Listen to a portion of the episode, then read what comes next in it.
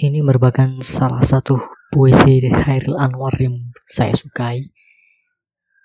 Uh, seperti ditulis pada tahun 1943 tapi sangat relate dengan apa yang terjadi hampir ke semua orang pada saat ini.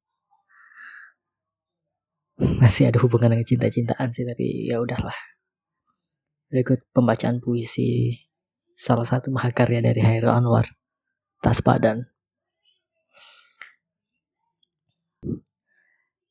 Aku kira beginilah nanti jadinya.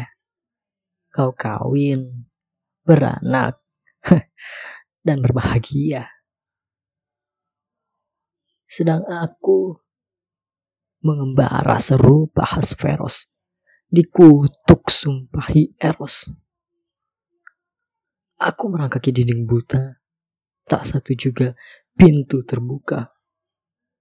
Jadi, Baik juga kita padami unggunan api ini karena kau tidak akan apa-apa. Aku terpanggang tinggal rangka